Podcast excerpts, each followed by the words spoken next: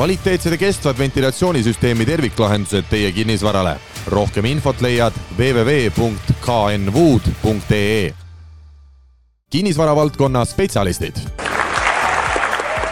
kinnisvara kakskümmend neli soovib tänada kõiki, nii oma pikaajalisi kui ka uusi kliente. viimase aasta jooksul on Kinnisvara kahekümne neljaga liitunud üle saja uue kinnisvarabüroo ja arvukalt kinnisvarahuvilisi Kalamajast Setomaani. Teie edukad tehingud on meie number üks eesmärk. aitäh, et olete meiega. sinu Kinnisvara kakskümmend neli ja kinnisvarajutud podcasti järjekordne episood on eetris. meie siin Workland Fales taas oleme koha sisse võtnud. minu nimi Siim Semiskar ja minu kõrval Algis Liblik, tere Algis. tere Siim. ja väga huvitav saade jälle. no meil on, meil on alati huvitavad saated. on jah ja.? väga hea, et sa seda tunnistad.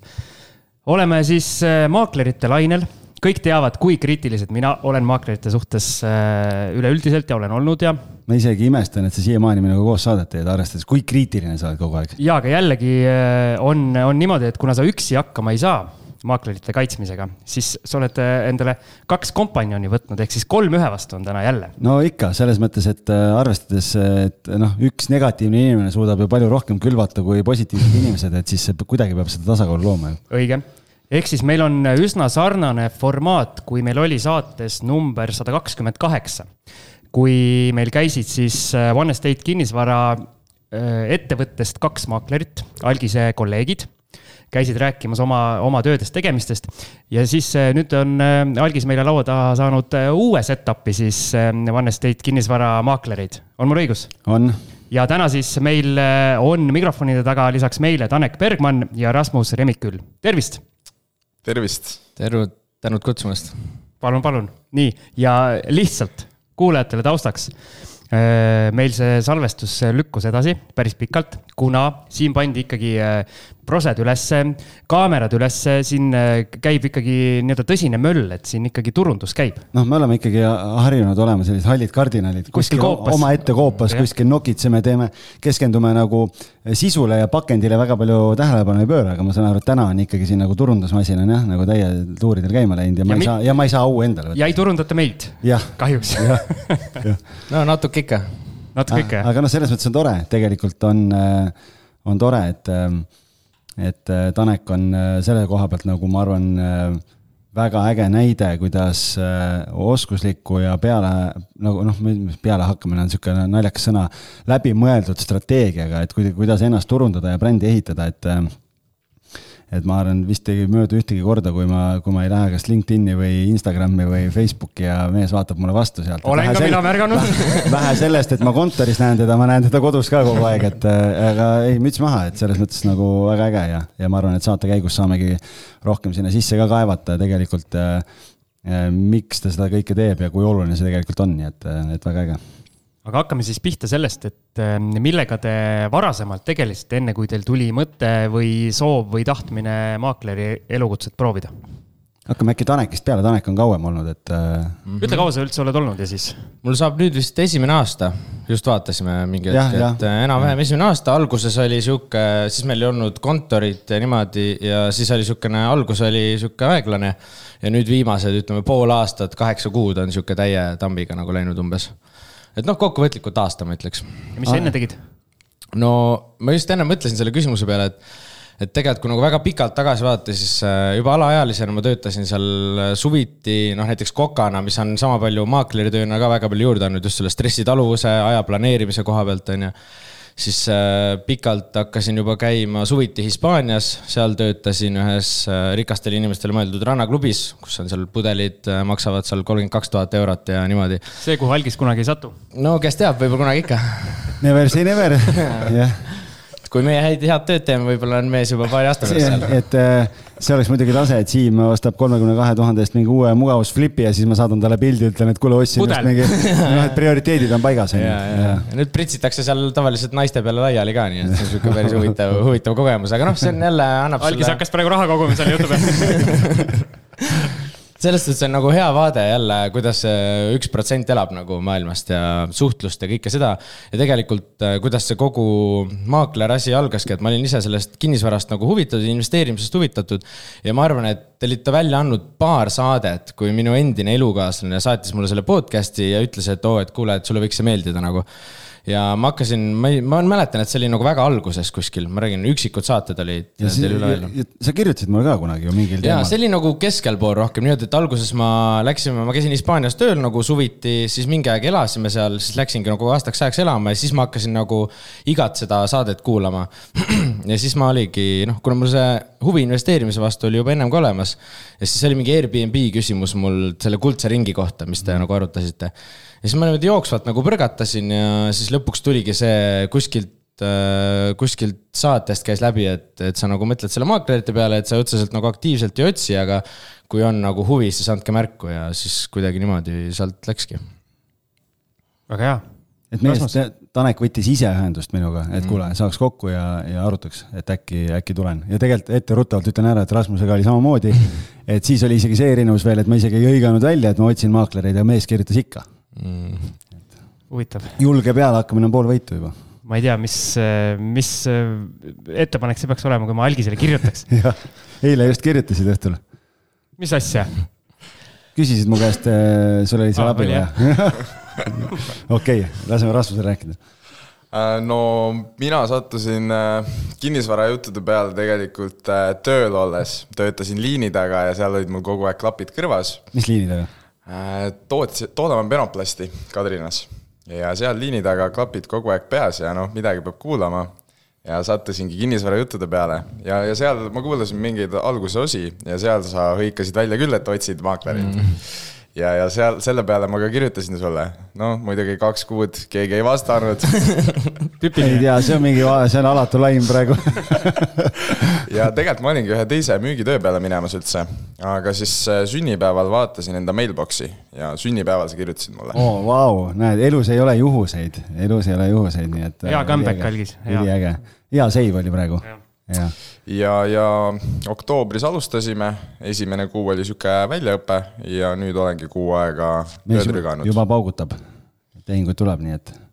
ühesõnaga, meil on tegemist siis ikkagi üks inimene on olnud üle aasta, teine on just alustanud, hea perspektiivide erinevus. ja, ja ma ikkagi nimetaks veel Tanekit ka alustavaks maakleriks. on ja, mul õigus? kindlasti, et selles suhtes, et nüüd ma arvan, et nüüd sa hakkad alles aru saama, mis see töö endast kujutab, kuidas see käib, et esimene aasta on sihuke sisseharjumine ja, ja niimoodi, öeldakse päris hästi, et, et kas see maakler äh, nagu kestab aasta aega või ei kesta nagu üldse, et seal ongi nagu kaks äärmust tegelikult. mm et kas sa lähed selle nagu long term või noh, short term'i polegi olemas selles maailmas nagu. meil on ju siin külalisi ka käinud ja kuskil seal algise, algise korraldatud üritustel on juttu olnud, et päris paljud nii-öelda, kes on kaugele jõudnud, eh, ongi nii, et võib-olla esimesed kolm kuu, kolm kuni kuus kuud ei tee ühtegi tehingut ja siis, kui hakkab minema, siis hakkab minema.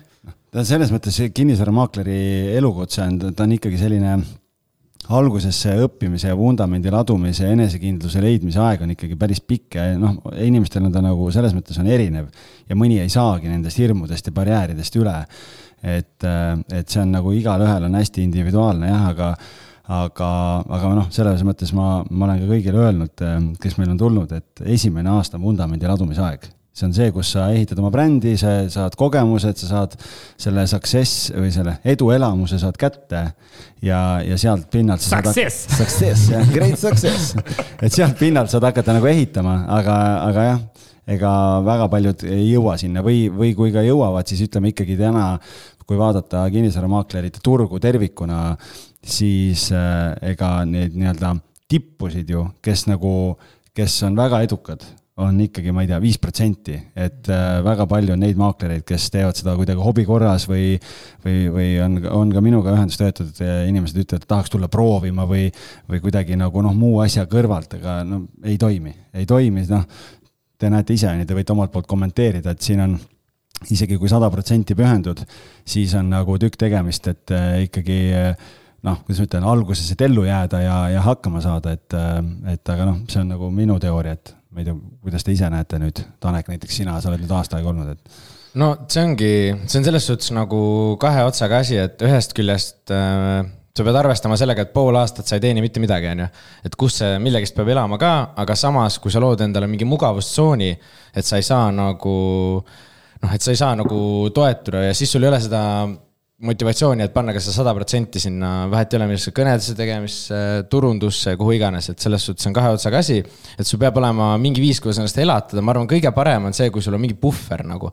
ja siis sa saad tulla ja siis sa saad nagu sada protsenti sellele keskenduda kõikidele nende maakleri asjadele ja seal on nagu erinevaid külgi, mida arendada, et ei saa ka niimoodi, et sa oled ühes asjas väga hea, sa pead olema kõikides asjades võrdselt sama hea. et sealt see puhver on minu arust nagu kõige olulisem asi selle alguse juures oled nõus?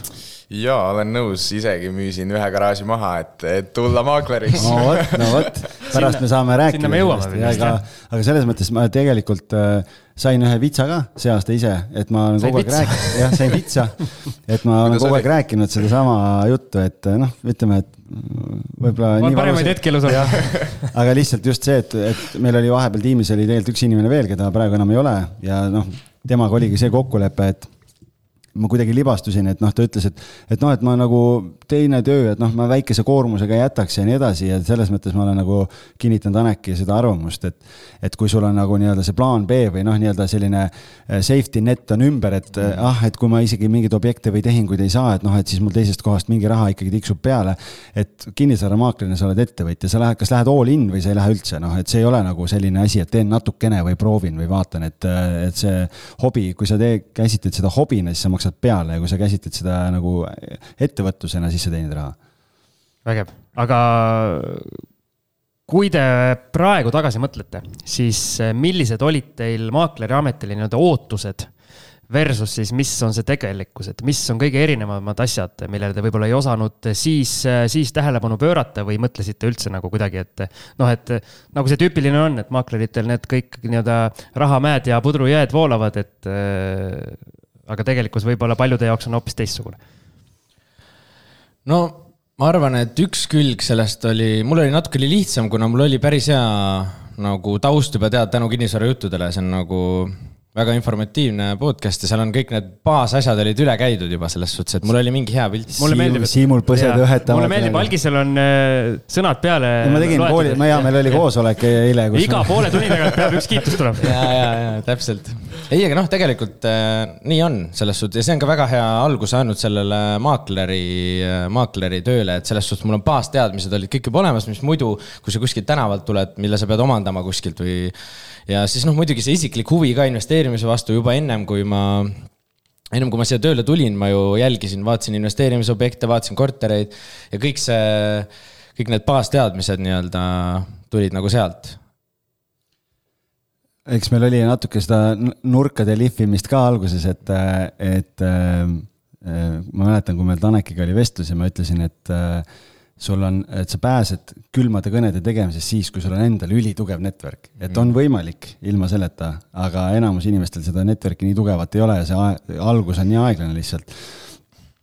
mees ei olnud minuga nõus alguses ja esimesed kolm kuud äh, siis, siis proovis äh, teistmoodi, aga ühel hetkel ikkagi, kui see arusaam kohale jõudis, äh, et kõnedega saab ja tegelikult äh, kui siis hakkas, kui siis hakkas neid kuldmune lendama sealt vasakule ja paremale, et sellest hetkest, kui sa kõnesid tegema hakkasid, siis mm -hmm. hakkas portfell nagu megakiirelt kasvama, et tegelikult alguses ütlesid, ei, mina kunagi ei hakka, ma mitte kunagi ei hakka tegema kõnesid.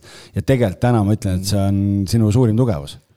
jah, võib öelda küll ja selles suhtes, et vaata, see töötab niimoodi, et äh, kindlasti saab ilma, sest et sina ei ole samamoodi neid kõnesid nagu teinud no. et, et saab, aga jällegi see on niimoodi, et kui sa äh, saad ilma selleta ja teeksid kõnesid siis see on nii kõva võimendus, et äh, see on nagu noh, ma räägin just algajana, aga ma räägin, et noh, tänapäeval ma ei ütleks, et sa saad, äh, mina ei soovitaks ühelegi äh, algajale maaklerile, et ära tee kõne, sest et see on see koht, kus sa saad oma esimesed kogemused, see on see koht, kus sa saad oma enesekindluse, see on see, kus sa saad esimesed objektid. ja kui sul on võimalik kasutada oma network'i, siis see on lihtsalt nagu boonus. ja see on sinu kontrolli all ka, et sa saad nagu, et muidu on see, et kui ma loodan Siimu peale, et Siim pidi olema üks jõukas äh, sõber mul, kellel on väga palju raha ja kes tahab kinnisvarasse investeerida. no nagu päriselt ongi siis tegelikult paned nagu vastutuse Siimule sellega, aga nagu ise ütled, et noh, kui Siim ostab, siis ma, siis ma teenin või, või nagu mm., aga kõnedega on ikkagi see, et sa tead, et ma teen kõned ära ja sealt tulevad kohtumised ja objektid. kusjuures kõnedeni ma tahan veel jõuda, mul on viimasest ajast, kuna ma siin ühte,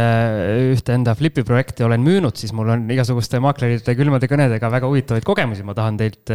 ma ei tea, kas me sinna jõuame ma tahan teilt nii-öelda arvamusi ka nii-öelda küsida, et kuidas neid asju võiks teha ja kuidas ei tohiks teha aga Rasmus, äkki vastad ka sellele küsimusele, et mida sa, millisena sa arvasid, et äh, maakleriamet äh, välja näeb ja milline see tegelikkus on? no kuna ma olen äh, ka peaaegu kõik kinnisvarajutud ära kuulanud, siis tegelikult see väga palju ei erinenud, aga kindlasti on ta raskem, kui ma ette kujutasin. aga see kinnisvarajutud on andnud nagu väga hea põhja alla et kõikidele, kes tahavad maakleriks tulla, soovitan kindlasti kinnisvarajutud kuulake ära olen ka sõpradele soovitanud ja nad ka ütlevad, et väga hea, nii et äh, on oodata uusi maaklereid varsti. oi oh, ma pean meil, meili äh, kinni panema, et äh, ei no vaatame siis, kuidas head inimesed on alati teretulnud, et. aga väike nii-öelda pro tipp siis, et kirjutage oma sünnipäeval või? no Algis peab vastama sünnipäeval. Algis peab vastama aeg. et noh, kaks kuud enne sünnipäeva. Algis peab siis kõikide, kõikide potentsiaalsete maaklerite sünnipäevad endale kirja panema ja, ja siis vastama õigel ajal või siis on võib-olla hea edumärk on see, et kui Rasmus ütleb, millal ta sünnipäev on, et noh, et siis enam inimesed, kellel on samal ajal mm, -hmm. et siis on nagu, see on juba kindel, et, et siis õnnestub. oli veel midagi, mis erinev on sellest, mis sa arvasid, et sellest saaks, ilmselt sellest maakleritööst saaks ka hea meemi, et milline, millisena mina seda tööd ette kujutasin, mida mu ema arvab, et ma teen. on tegelikult ja, ja, ja, et noh, et et seal on, et kuidas kõik arvavad, noh, ma ei tea, sõidad seal mingi uhke autoga ja mingid värgid ja asjad ja kuidas sõbrad ja mida ema arvab, on ju, et yeah. võiks ikka õige, päris tööle minna ja noh, et ühesõnaga, ma olen kunagi näinud mingit meemi. Aga... no ja siis tegelikult kõnnid kahe suure pildistamise kotiga, mis on nii rasked, et ei jaksa isegi tassida, vahepeal puhkad keset tänavat. või siis on see maakler Wishist või midagi seal, vaata see. ei no neid on erinevaid mis te arvate, millised on peamised väärarusaamad, mis äh, inimestel seoses maakleritööga on, see natukene haakub meie selle eelmise jutuga, et arvatakse, et jube rikkad ja jube edukad ja, aga mida nagu, kui te oma sõpradele ka olete öelnud näiteks, et ma olen nüüd maakler või äh, teen, teen samme selles suunas, et saada väga heaks maakleriks, mis nende need väärarusaamad on? Ma ütleks ka seda, et äh, pintsak seljas ja see ei ole tegelikult nagu nii prestiižne amet, et äh, ikkagi kõnnid seal kahe suure pildistamise kotiga objektile ja ja teed seal voodi ülesse ja paned stage imise asjad valmis, et äh, tegelikult äh, ikka on päris raske töö jah, ma nõustun, et ma arvan, et see kõige suurem väärarusaam on see, et, et sa lihtsalt tuled ja teed ukse lahti, vaata. mis on ka osa sellest tööst, aga no, keegi. on ka selliseid maaklerid, kes oskavad, võtsid keerata lukusid, sellega see asi piirdub. on ka maaklerid, kes ei tee ka ust lahti ja helistavad sulle, et kuule, et tee ise uks lahti ja mine vaata ringi, on ju. või, või neid maaklerid, kes ütlevad, et omanik on kodus ja ootab teid. on ka mul selliseid olnud, jah ja,. et ma räägin, et on erinevad, aga ei arvestata nagu sellega, et mis, mis sinna maakleri töö sisse läheb, on ju, sa oled sisustaja, sa oled fotograaf, sa oled mingil määral ehitaja, sul peavad olema kõikides valdkonnas kontaktid, aga sul peab mingil olema... määral ehitaja või? selles suhtes. algis Livik, kuidas sa maakleriks said? selles suhtes, et sul peavad olema. ma valin mingid... objekte selle järgi, kus ei pea kätt külge panema et selles suhtes sul peavad nagu igast asjast olema baasteadmised ja kontaktid nagu usaldusväärsed kontaktid selles valdkonnas nagu.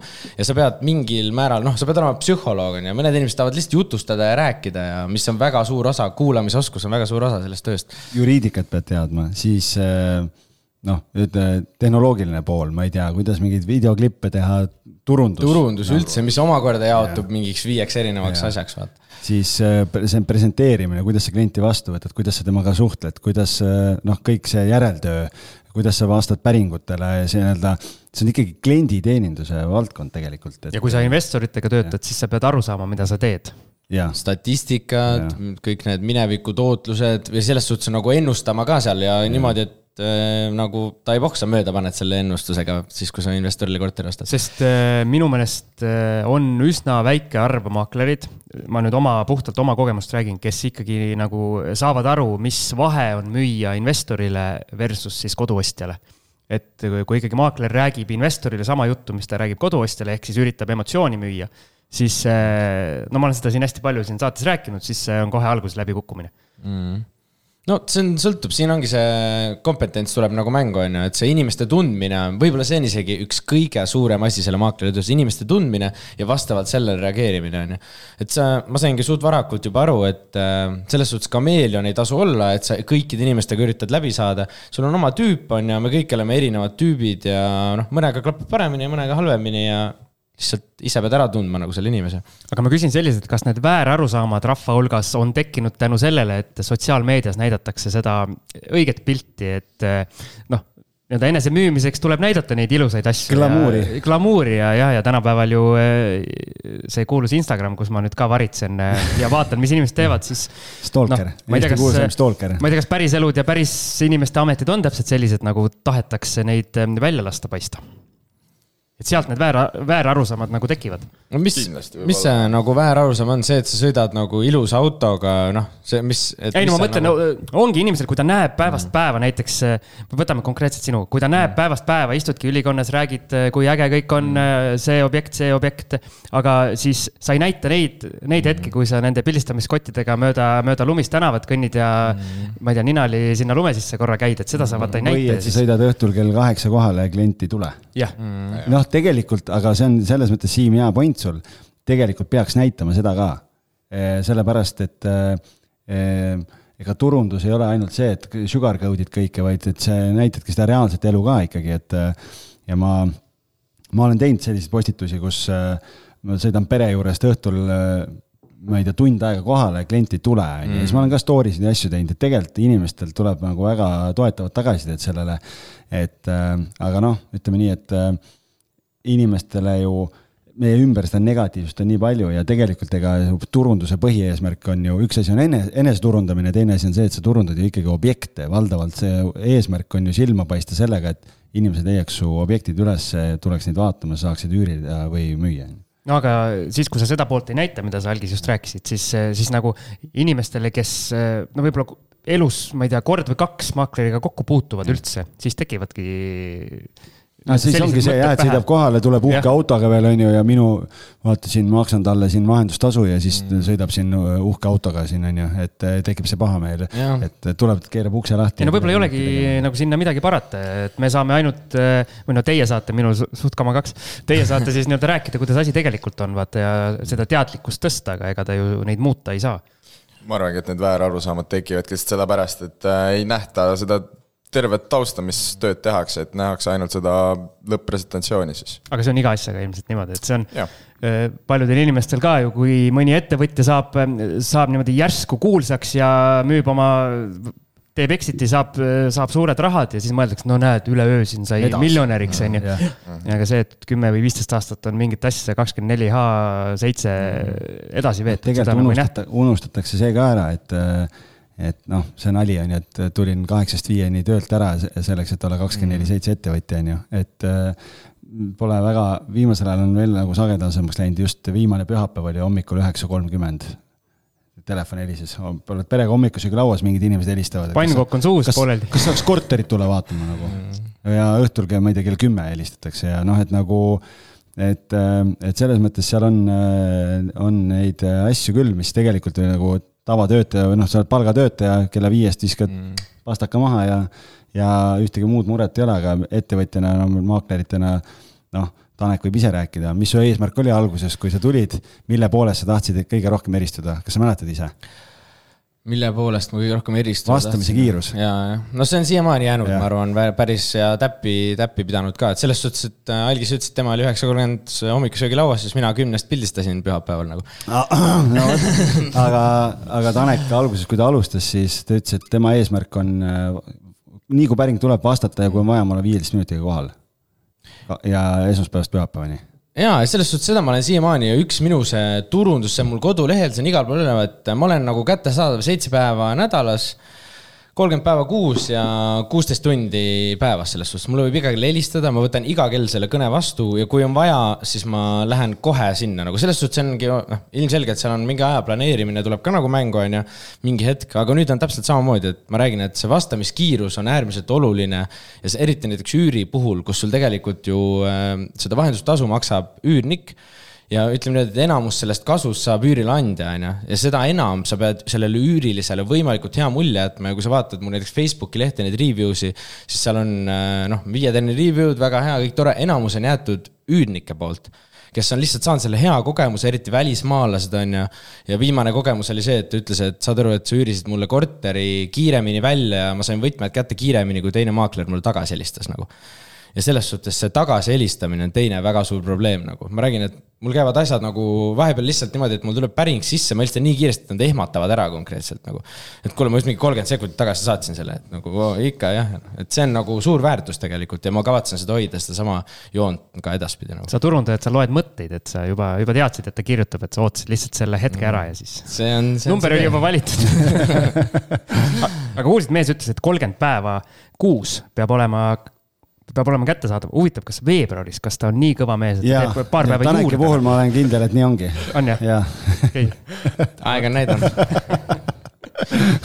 veebruar varsti tuleb, saame näha. sellepärast ma võtsin detsembris ühe päeva vabaks, mõtlesin, aga selle jäime me kuskile küsimusse kinni või lähen edasi? ma arvan, et äh, võime edasi liikuda. võime edasi minna, et äh, mehed, mis teil on kõige raskem äh, tõke olnud, mida siin maaklerina alguses on tulnud ületada, et mis on see üks asi, võtame ühe asja hmm,.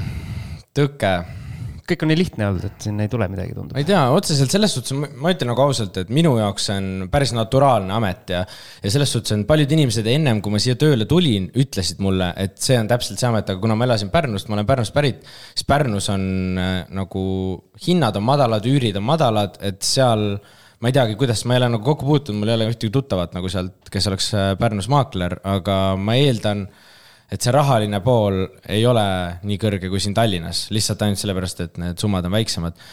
aga ma leian, et see on nagu naturaalselt mulle hästi hea amet ja paljud inimesed nagu praegu ka, kes kuskilt tulevad, suhtlen nendega siis nad on niimoodi, et aa, et kas sa oled kuskil müügis või ma ütlesin jah, maakler ütles jah, sa oled selle näoga nagu.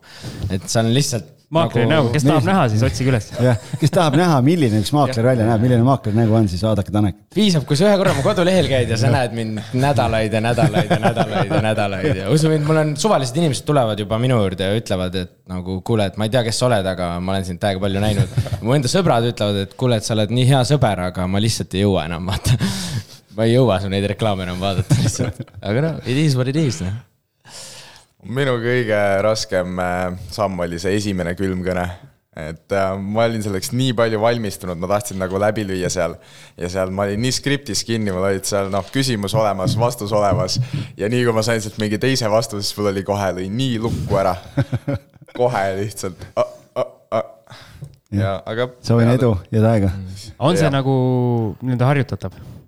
Kindlasti on, et nüüd ma juba räägin nagu palju vabamalt ja selle skripti ma viskasin üldse nagu ära põhimõtteliselt. võtsin sealt mingid põhimõtted küll, aga et ma enam niimoodi skriptis nagu ei ole. aga Algis, ma tahan sinu käest küsida, sina neid, neid mehi oled nii-öelda koolitanud ja aidanud sellel teel, et vasta sina, et mis on sinu arvates nende kõige keerulisemad äh, tõkked olnud, mida on vaja ületada noh, Taneki osas ma juba ütlesin, on ju, et, et ma olin enam kui kindel, et sellest hetkest hakkab asi liikuma, kui ta hakkab kõnesid tegema mm. ja, ja ühel hetkel, kui ta ise sellest aru sai, siis tegelikult seal, sealt maalt on tegelikult tal rock n roll olnud, et, et siin ma ei tea, mingites kuudes on üksteist üürilepingut ja ma ei tea, nagu mingit megamahtu teinud. et tegelikult, kui see töömaht ja, ja asjad said paika siis tegelikult oli see, see tulemus on nagu vägev olnud. oota, aga meil jäi konkreetselt natukene nii-öelda puudutamata, et ma saan aru, Tanek, sa spetsialiseerud siis üürile, jah? no ütleme nüüd, et äh, ma alustasin, noh, kuna meil on ettevõte, mis spetsialiseerub üürile, siis meil on väga hea turutunnetus ja meil on rohkem kogemust selles valdkonnas, ma tunnen, kui ükskõik kellelgi teisel nagu mm. et see andis hea, hea selle sisendi kõnede tegemiseks, hea selle kredibiilsuse jaoks ja reaalselt ka me teeme seda tööd paremini, sest et kui sa, kui sa, kui sul on hea maakler, siis sul ei ole mitte ühtegi põhjust oma korterit ise välja üürida. ja see on nagu fakt, et sul lihtsalt, lihtsalt ei ole ja täpselt samamoodi kuula, Siim. kui sa just, kui sa just ise ei ole nagu, paljud on, ma olen seda nii palju teinud, üks, üks asi on juba. üks põhjus on. Kui sa teed kinnisvarajuttude podcast'i ja sul on vaja igas saates midagi rääkida. jah okei see..., on vabandatav, see on praegu vabandatav. noh, sa võid rääkida seda, mida mina teen sinu jaoks lihtsalt. see oleks nii huvitav. kui sa seda liiga hästi teed. ei, aga noh, see on nagu fakt selles suhtes, et äh, rääkimata juba kulude kokkuhoidmisest, rääkimata aja kokkuhoidmisest, rääkimata sellest, et tõenäoliselt mina toon sulle parema ühiniku, kui sina ise on väga suur, kuna mina teen seda üksteist korda kuus, sina teed seda korra aastas. jah, ja tegelikult. rohkem, rohkem, ja siis, ja seesama, ja seesama, sama taandub tegelikult ka ähm, maakleri, noh, et ongi eh, väga paljud maaklerid ei taha üürile fokusseerida üldse, sellepärast et tulu on nii palju madalam äh, objekti kohta, kui on müük.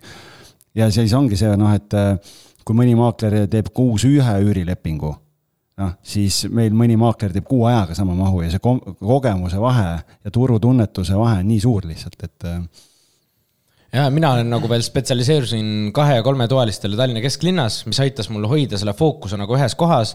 ma tunnen seda turgu, mul on inimesed, kes on juba huvitatud sellest piirkonnast ja see andis ka väga palju juurde, et see, et sa oled pidevalt ühele asjale keskendunud ja see annab väga suure eelise ka järgmiste objektide saamisel. sest et need positiivsed kogemused, need soovitused, mis ma olen juba nagu saanud, mis on juba nagu käima läinud, sest et noh, inimesed näevad, et sinuga on hea tööd teha. hea, kõik on lihtne, loogiline ja noh, see tagasiside on olnud juba äärmiselt positiivne. Ja mulle tundub, et see üürimaakleriks olemine on selles mõttes, see töö nagu taastoodab ennast, et kui sa saad mõne investoriga hea, hea koostöö käima, siis tõenäoliselt sellel in- investoril on veel mingeid objekte portfellis, lisaks üürnikud ikkagi aeg-ajalt kipuvad vahetuma. Ehk siis eh, kui sa suudad head, head kvaliteeti pakkuda, siis sul, kui sa selle network'i käima saad, siis eh, nagu Algis ütles, on rock n roll ja jaa, täpselt, ma arvan, et see ongi üks selle minu edu põhjuseks ka olnud, et algusest peale kõva töö sisse sinna pandud. ja kindlasti on tööd on kõvasti rohkem, et see, nagu ma ütlen, et ma olen kogu aeg kättesaadav ja kiirelt need asjad, korterid nagu leiavad üürnikku, siis see on selle põhjal, et ma noh, ma olengi esmaspäevast pühapäevani saadaval. No hea värske näide tegelikult Rasmusel ka, klient otsis ise uusarenduse korteri, kuu aega otsis üürnikku, ei leidnud, Rasmus läks, tegi nii nagu, nagu meil asjad käivad ja nädal aega oli korralik kvaliteetne üürnik sees. ja, ja seal oli ka, et äh, omanik on investor, kelle kaudu nüüd äh, peaks veel objekte tulema, et ta jäi minu tööga ka nagu väga rahule. aga räägi, Algis, Rasmuse neid eh, probleemkohti ka siis. Äh, see päris raske on seda isegi midagi välja tuua, et esi-, nagu Rasmus on äh, ju mõned kuud tagasi alles alustas, aga see, see start oli nagu äh, ehmatavalt äh, kiire isegi nagu, nagu tore, tore positiivses mõttes. aga noh, ma arvan, et Rasmuse puhul lihtsalt võib-olla ma arvan, see ainukene segav faktor või, või selline takistus on lihtsalt see, et mees on, õpib koolis ka praegu. et ta lihtsalt, see maht ei ole nii suur kui, kui nagu täiskohaga tehes lihtsalt, et, et see on see vahe. seal tuleb kõvasti siis nii-öelda network'ide, tulevad investorid kõik võib-olla klassis veel või, või, või kursusel või ma ei tea, kus sa õpid, siis noh, ja no selles sa võid oma eriala valikust rääkida, kuule, see on Jaa. ka päris huvitav taust. Äh, ma läksin õppima hoonete ehitust ja, ja seal oligi, mul teine valik oli minna õppima maakleriks äh, majanduskooli. aga maaklerist siis objekti või projektijuhiks minna on nagu väga raske. Aga vastupidi, objektijuhist näiteks maakleriks minna, et see on täiesti võimalik. ja, ja see ongi see põhjus, et miks ma läksin äh, hoonete ehitust õppima ja no kinnisvarasse tuleb ka ju ainult kasuks, kui sa, kui sa tead, kuidas mingid asjad ehitatud on, oskan rohkem infot ka anda üürnikele näiteks, ostjatele et äh, ma arvan, et see on pigem, pigem pluss kui miinus. Ülihead kontaktid ka kindlasti sellest valdkonnast Mm, mm,, nende inimestega, kellega sa seal ka- kas koos õpid või, või kes õpetavad sind, et selles suhtes ma arvan, enam paremat valikut ei saakski kahe, teha. kahe jalaga oled nagu valdkonnas sees, et äh, tead, kus me nüüd kahe jalaga lähme või? tahaks lumiorava. lumiorava pausile. nii et eh, suud vett täis ja varsti kohtume. kvaliteetsed ja kestvad ventilatsioonisüsteemi terviklahendused teie kinnisvarale. rohkem infot leiad www.knwood.ee no nii, meil on siin, lumiorav lippab nii hästi, et meil on siin nelja peale ainult üks pudel jäänud, Algis. Pole hullu, päkapikud tulevad. Juba toovad, lubasid tuua. Saaniga on siiapoole teel või? jah, hakkan laulma ka või? ei, ei, jätame tänasesse saatesse vahele. ühe, ükski saade ei ole sa lubanud mul laulda. jätame täna siis jälle vahele või? no tahaks, et kuulajad ikka meiega on. Kui Algis siin äh, uue podcast, podcast'i plaane peab või on alustanud, ma ei tea, kuidas, siis ma peaks ka mingi laulu podcast, laulujutud midagi, vähemalt. jah. aga kuule, jätkame meie, ütleme siis noormaakleritega juttu, et ähm, ma tahtsin küsida, mis on äh, need peamised isikuomadused, mida teie peate heaks maakleriks olemisel kõige tähtsamaks. ja siis ma kohe küsimuse teises pooles küsin, et mis teil nendest asjadest on nii-öelda plussid ja mida tuleks äh, spetsiaalselt nagu järele aidata ma arvan, et äh, järjepidevus on väga oluline, et see külmade kõnede tegemine, et sealt alguses sul võib tulla nii palju eisi, aga sa pead olema lihtsalt järjepidev ja tegema neid, et sul lõpuks hakkas, hakkaks nagu jahhe ka tulema. ja kindlasti suhtlemisoskus, et äh, ka nende külmade kõnede puhul ma nagu tunnen, et noh, nagu Algis on öelnud, et kinnisvara business on nagu inimestelt inimestele. Et sa ei lähe sinna nagu müügimees et kui mul on nagu hea suhtlus külma kõne jooksul, et siis see, mis ma seal nagu räägin, ei olegi nii oluline, kui see, et meil lihtsalt nagu klapiks omavahel. ja sealt tulevadki päris palju minu objekte. ma küsin ja. vahele, kui palju sul seda külmade kõnede kogemust on olnud? Oi äh,, kunagi, kui ma garaaže vaatasin, siis äh, ma tegin külmasi kõnesid niimoodi, et äh, võtsin ehitusregistri lahti, kinnistusregistri lahti ja vaatasin, kes on garaažide omanikud. sealt ma sain ainult nimed, isikukoodid, siis hakkasin otsima nende kontakte ja siis neile helistama. Nad ei olnud isegi nagu kuulutust üles pannud, et nad tahaksid müüa garaaži. ma lihtsalt nägin, et ta on omanik ja siis võtsin ühendust. et no sealt neid eisi tuli no väga palju aga tuli ka paar jahhi, mis, mis mul ikka veel portfellis on ja, ja väga õnnelik olen nende üle. aga ma praegu tunnen küll, et äh, iga kõnega lähen äh, aina paremaks ja, ja enesekindlus väga vajalik ja see tulebki mm,, tulebki tehes. aga numbriliselt on need veel sadades, on juba tuhandetes? Need on sadades sihuke nädalas kakskümmend on nagu päris hea, ma arvan, et sihuke iga päev sihuke mingi neli-viis. rohkem kui algisel on juba tehtud? jaa, juba on rohkem jah. ma olen see targutav teoreetik, on ju, et õpetab.... teeme külmi kõnesid, teeme külmi kõnesid, mina telefoni ei puuduta.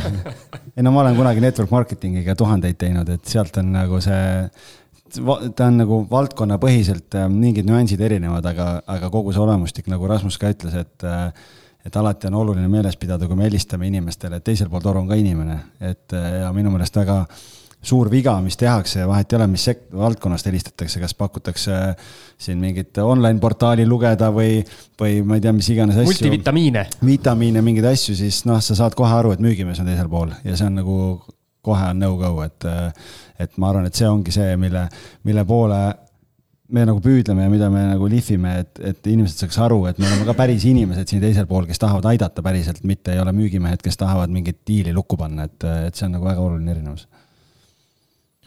ja ma nõustun täielikult, kõik seesama, see järjepidevus on üldse, ma arvan, kõige olulisem asi üldse elus, vahet ei ole, mida sa teed või mida uut sa teed, vahet ei ole, kas see on trennis käimine, kas see on külmade kõnede tegemine, mingi uue karjääri püstitamine, digiturundus, järjepidevus, see, et sa iga päev teed midagi delayed gratification on selle nimi inglise keeles vist, on see, et sa teed midagi ilma tulemust nägemata, võib-olla, et sa käid trennis ära, on ju, homme ei ole six-pack'i, siis paned quit'i nagu, et niimoodi ei saa, et teed järjepidevalt. ma olen proovinud. noh, kuidas läks? üks back on. ja mitte ühe korra ei ole proovinud, ikka mitu. mitu korda oled proovinud? ja, ja, aga noh, mul on peitaeg on see on see, et lolluse mõiste pidi olema see, et kui sa teed sama asja ühe uuesti ja uuesti ja eeldad teistsugust resultaati ja, ja täpselt, et see on nagu üks asi ja siis on see avatus, on ju, suhtlusoskus ja lihtsalt see, et sa tahad inimesi nagu reaalselt aidata ka. et tegelikult äh, põhiasi, mis mind nagu külmades kõnedes aitas, on see väärtuspakkumine, vahet ei ole, kas sa teed emaili turundust, kas sa teed paid ads'i, kas sa lihtsalt saadad mingeid asju, et selles suhtes, et see, et sa pakud mingit väärtust ja tahad inimesi aidata. Nende kõnede ajal ka ma tegelikult nagu ütlesin neile ka, et mis sul, mis sul need probleemid on, miks sul endal ei lähe, vaata, et ma võin nagu.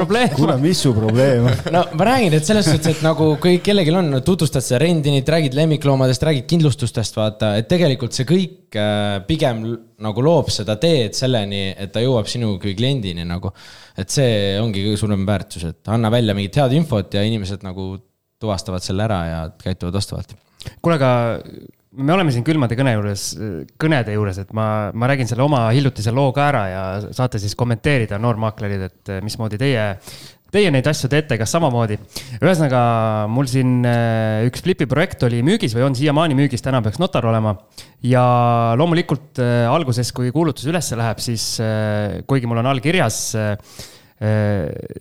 nagu mul on veel niimoodi, mina ei kirjuta alla, et maakleritel palun mitte helistada, see ei tööta, eks. mina kirjutan mina kirjutan niimoodi, et, et maaklerid võivad helistada, aga palun alustada kõnet ühe kinnisvarateemalise anekdoodiga mm. nii, ja. ma korra küsin vahele kui palju on neid maaklereid no,, kes reaalselt ja. loevad läbi ka, et? läbi aegade on olnud üks ja see oli nüüd kes alustas oma kõnet, äh, ütleski, et jah, et ta luges kuulutuse läbi ja temal on kaks äh, kinnisvarateemalist anekdooti ette valmistatud. Äh, rääkis need mulle ära ja siis me nii-öelda saime pikemalt jutule, ehk siis minu jaoks kohe ülimalt positiivne kogemus selles mõttes, et inimene oli kuulutuse lõpuni lugenud ja noh, kohe nagu jäi mulle kõrva sellega, sest ja siis ta küsis ka, et kui paljud maaklerid nagu, kes helistavad, et kui paljud nagu, nagu alustavad anekdoodiga, siis ta oli ise ka üllatunud, et ta oli läbi aegade mul esimene. ja siis umbes samal ajal tuli kohe järgmine kõne, kus äh, hääle järgi selline mitte enam, mitte enam kõige noorem naisterahvas, aga selline mul natuke tundub, et nii-öelda teise nii-öelda karjäärivahetuse peale mõtlev inimene. Äh, ütleme nii, et ei alustanud äh, anekdoodiga, vaid oli üliründav et põhimõtteliselt, et äh, kas te teate, millega maaklerid tegelevad? ma ütlesin, tean küll, jah. aga miks te siis ei taha maaklerit kasutada? umbes nagu selliste küsimustega ründas mind, et ma, ma olen nagu täielik idikas, et ma maaklerit ei kasuta müügil, onju. mis sul viga on, et sa ei võta maaklerit mis su probleem on? et me ju teame et me ju teame, kuidas need asjad käivad ja niimoodi. ja noh, üsna nagu ebameeldiv vestlus oli ja, ja siis ma pärast guugeldasin teda ja oli ühes väga suures büroos äh, selline, ütleme ka siis alustav maakler, kellel isegi veel kodulehel ei olnud nagu seda fotot, vaid oligi, ma ei tea, maakleri õpilane või ma ei tea, kuidas seal kirjas osadel oli. on noorem maakler, osadel on jah, maakleri assistent või mingid, noh, erinevates büroodes on erinevad. nagu midagi sellist. ühtegi kuulutust mina tal ei tuvastanud, et tal oleks üleval olnud. ehk siis ma arvan, et üsna selline, selline alustav ja, ja ta helistas mulle tagasi, ehk siis ta selle asja tegi ära, et ta follows up'i nagu äh, mingi aja tagant, äh, et äh, mis nüüd on ja siis ta oli sama ründav edasi nagu. ikka ei saa aru veel. ikka ei saa aru jah, jah, aga samas see teine maakler ka tegi nagu jätkukõne ka hiljem isegi kaks korda. ja temaga nagu väga äge, et kuigi ma, ma tean, et ma maaklerit ei kasuta ja teda ma ka ei kasuta. siis, siis temaga ma suhtlen ja temast mul on nii-öelda hea positiivne mulje ja, ja ma isegi vist Talgisele mainisin, kes see oli, ehk siis võib-olla tekib see, et ma kunagi räägin kellelegi, et näed, et see oli jumala okei okay inimene, et kui ta mind ei saa kliendiks, siis eh, nii-öelda see positiivne, positiivne asi levib, aga no come on, sellest teisest nii-öelda ründavast äh, asjast äh, ma, ma nii-öelda positiivselt küll ei räägi. jah, pigem inimesed tahavad jagada negatiivset kogemust alati. ja, ja kõige esimene asi, kui sa ei loe, loe kuulutust ka lõpuni, okei okay,, võib-olla sa loed, aga sa ei tee seda, mis seal on nagu kirjas mm, -hmm. siis noh, no go, sorry see on juba vaata, et ta tegi mingi eeltöö ära, onju, ta mõtles juba ette, et selles suhtes, et ta on valmistunud ja kui ta valmistub sihukese väikse asja jaoks, siis järelikult just, ta valmistub just, ka selle järgmise just. suurema tehingu aga jaoks. kui sa seda väikest asja ei suuda teha, siis mm -hmm. miks ma pean andma sulle oma objekti müüa? isegi kui sul ei ole seda anekdooti, siis guugeldad, leiad mingi mhm. anekdoodi ja ma ei tea, loed maha. see on nii lihtne, see võtab kolmkümmend sekundit, vaata, see on, kui sa ei ole nõus selle kolmkümmend sekundit investeerima, kuidas ma saan oma elu suurima otsuse sinu kätte võib-olla äh, nagu anda? see ongi selline väike kontrollküsimus, sest paljud, no ma ei tea, kas paljud, aga osad tööandjad ju kasutavad sama asja, et panevad nii-öelda peidavad ära sinna mm. töökuulutusse mingi asja, mida sa pead enne tegema mm. kui kandideerid ja noh, siis on hästi lihtne kaheksakümmend protsenti neid, neid inimesi kõrvale kohe tõsta. no muidugi jah no noh, selles suhtes see maaklerite kvaliteet, eks me ilmselt jõuame ka selle juurde, et. ma ei tea, kas me, kas me jaksame nii pikka teemat ette võtta selle jaoks on eraldi saadet vaja, ma arvan. aga jah. vaat, ma sain südamelt ära rääkida. ühesõnaga, teie nii ei tee, jah? Teie alustaks anekdoodiga, kui te helistaks mulle mm,? jaa, kindlasti, et ma räägin, noh, see suhtlus on nagu kõige olulisem, nagu ta jäi ka sulle nagu hästi meelde, et äh, ta ei saa küll su objekti, aga sa soovitaksid teda edasi. et äh, ma ka nagu, isegi kui ma saan aru, et ma ei saa seda objekti, siis ma proovin ikka aidata kuidagi, näiteks äh, soovitan rendinit või midagi. ma olen mitmes kõnes saanud sihukese küsimuse, et kas sa hoopis oled nagu rendini müügimees või? On jah, seda on päris palju jah aga noh, selles mõttes on äh, tegelikult, meil oli esmaspäevasel koosolekul oli ka just aruteluks siin äh, Aimar, kes eelmine kord saates käis, ütles ka, et et ta helistas ka mingile kliendile ja, ja klient ütles, et ei, et noh, et ma maaklerit ei taha või midagi, siis ta viskas ka nalja umbes, et aga kas te kirjasõpra ei otsigi, noh, ja ütles kohe kliendil kohe toon muutus. Noh et et see ongi see inimeselt inimesele suhtlus, see on nagu hästi-hästi oluline, et muidugi ja sa saad neid asju veel kaugemale viia, näiteks kui mina sihukest kuulutust nagu näeksin, siis ma viiksin selle nagu next step, sest mina eeldaksin, et väga paljud saadavad selle nalja või räägivad selle nalja, onju. siis ma teeksin sellest mingi järgmise tasandi, ma teeksin mingi nalja, paneks sinu sinna sisse, paneks selle korteri sinna sisse eristuks nendest headest maakleritest veel omakorda paremini, vaata. ja neid asju saab nagu veel teha, nendest külmadest kõnedest, mul on nagu vahepeal on nagu väga ägedaid olukordi tekib, vaata, kus on, sa saad juba kõnest aru, esimese viie sekundiga ma saan aru, mis inimene on, tema kõnetoonist, tema maneerist, on ju. ja siis on noh, mingid on mingid naisterahvad seal mingi flirtivaks, siukseks naljakaks, mõlemad itsitavad seal telefoni otsas, saab nagu mitut moodi seda teha ja saab selle pinge maha võtta ja sealt tulevad kõige ägedamad koostööd nagu.. no vaadake, see peaks teile ju positiivne uudis olema, et kui see lävend on selline, et reaalselt äh, need äh, külmi kõnesid äh, tegevad maaklerid paljuski ei loe kuulutust lõpuni või ei tee seda väikest, väikest nüanssi, siis teil see nii-öelda latt, mida ületada ei ole üldse ei, seda on ju väga hea kuulda, väga ja. hea on kuulda, et teised, kuidas teised asju ajavad, nii et keep going. ei no selles mõttes, et äh, kindlasti kõik Eesti maaklerid ei ole mulle helistanud, nii et. Äh, ei olegi? ei. sinusugusele mogulile on.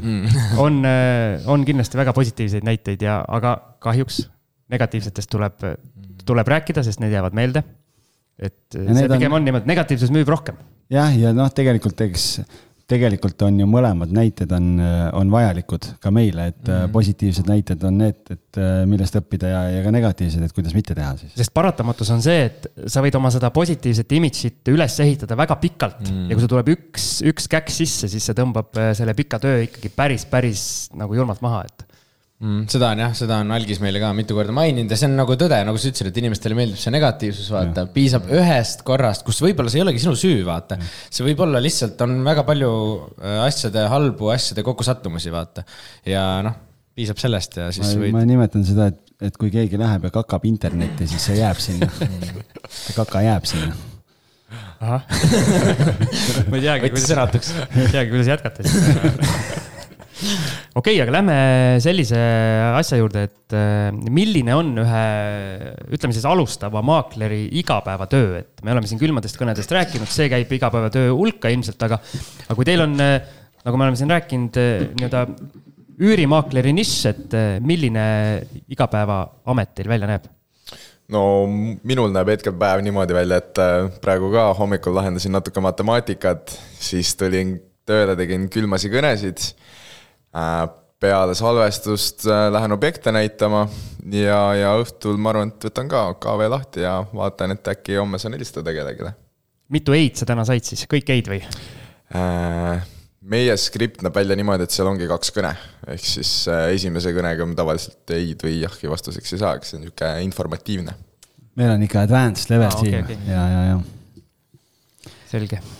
ja no mul on erinev, ütleme niimoodi, et äh, tavaliselt hommikul ma tulen kontorisse, ma vaatan üle, mul on eelmine, eelmine päev on planeeritud järgmine päev ära, vaatan üle, mis tegevused täna on, on ju. kui ma tegin, viimasel ajal ma ei jõudnud väga kõnesid teha, kuna lihtsalt see eelnev töö on juba, nagu sa ütlesid, on ju, toob ise mingeid objekte, et selles suhtes ei pea nii palju tõmblema, kindlasti võiks teha rohkem võiks küll, jah aga selles suhtes on nagu hästi, ma saangi keskenduda turundustegevustele, mis tegelikult on scale imise esimene aste nagu. et selles suhtes, et on tore teha neid üürikaid, aga ütleme niimoodi, et äh, iga mingi aasta tagant ma tahan näha mingit äh, eksponentsiaalset arengut nagu et mitte jääda kinni sellesse ühte kohta, et seepärast ongi, et hommikul vaatan päevaplaani üle, kui olid kõned, olid mul alati kuskil sihuke kümme kuni üks oli see kõige parem aeg. tegin neid, vaatasin tagasisidet üle, siis mul on oma turundustiim, mille ma olen endale koondanud, on ju, mul on seal emaili turundus, mul on koduleht, mis sai hiljuti valmis, ma arvan, et selle kodulehega tegeles juba siin ütleme neli-viis erinevat inimest. ja eesmärk oli teha sellest kodulehest äh, Eesti parima maaklerleht nagu. see, milline, kas see seda on, see jääb kuulajate enda otsustada, minge vaadake, tanekperma.ee aga selles suhtes jah, et ma vaat-, mul on need erinevad koosolekud, mul on emailiturundus, mul on äh, analüüsid, meil on videosisu, meil on kõik siuksed asjad, me vaatame nüüd üle. Iga alaga tegelevad oma ala spetsialistid, et mina saaksin teha seda, mida, milles mina olen väga hea, ehk siis kinnisvara ja siis ongi, alati on, lõpetan oma päeva trenniga või mingi talli ujumisega, see on ka väga oluline minu jaoks, et see järjepidevus jääks, sest et äh, terves kehas terve vaim ja sul ei saa ühte olla ilma teiseta.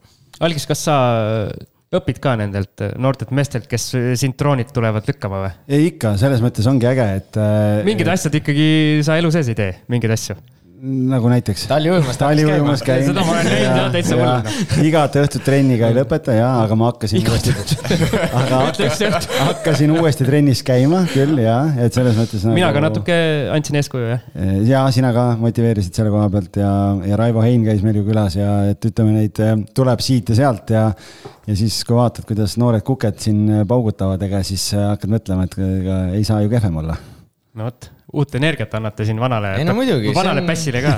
Give and take nagu, see ongi, ma arvan, kõige ägedam osa sellest ettevõttest ka ja ma ei tea, ma ei ole nagu mujal maakler olnud, aga mina olen isiklikult nagu väga rahul selle sünergiaga, mis meil on, see on piisavalt vaba.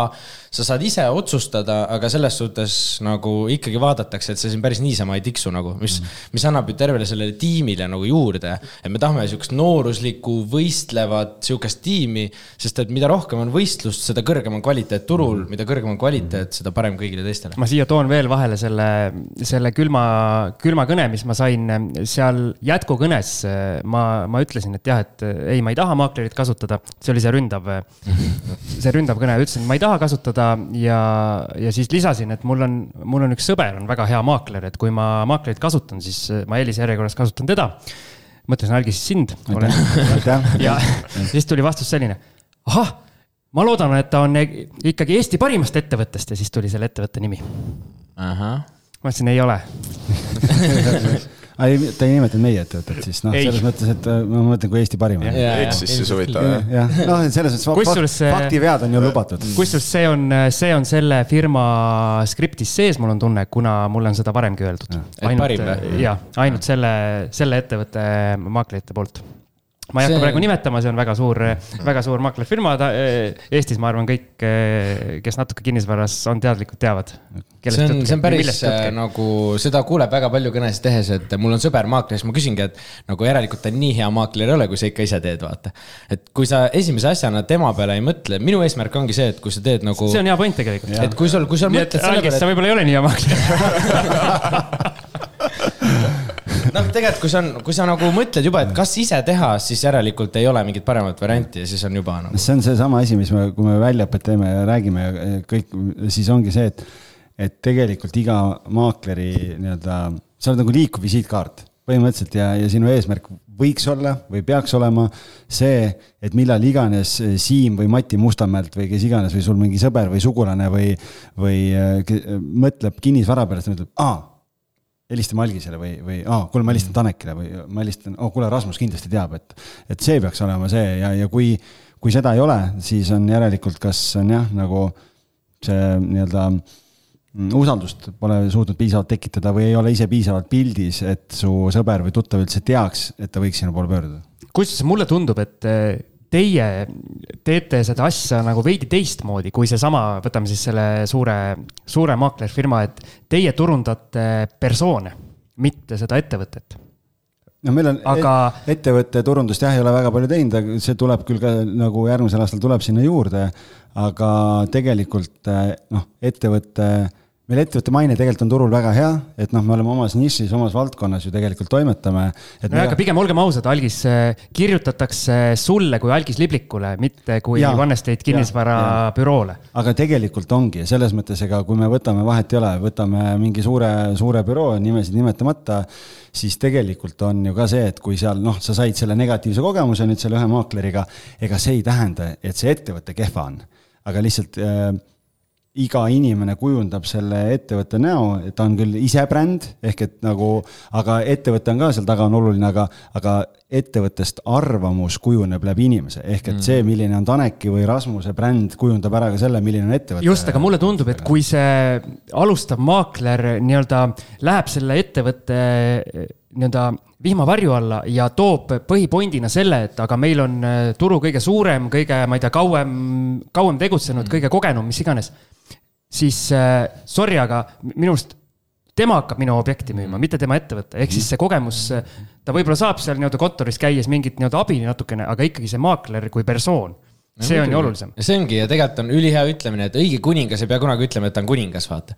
sest et kumb on nagu, kumb jätab firmast parema mulje, kas see firma, kes ütleb, et ma olen parim või siis need feedback'id, mida meie toome, et meil oli väga hea kogemus ja mina töötan One Estate kinnisvaras. kumb on parem nagu selles suhtes? ja mul oli just ka endal üks kogemus, käisin ühte objekti müüki võtmas ja, ja rääkisin ja omanik ütles, et, et sa tuled siia, sa suhtled minuga kui inimesega, sa küsid korteri kohta küsimusi ja ta ütles, mul käis kaks maaklerit veel ja ainukene jutt, mida ma kuulen, on see, kui suur on meie vahendustasu ja, ja ülejäänud ja ülejäänud jutt oli ettevõttest. Ehk et nagu käiakse, promotakse ennast, aga, aga meid huvitab inimene ja see omanik ja see objekt.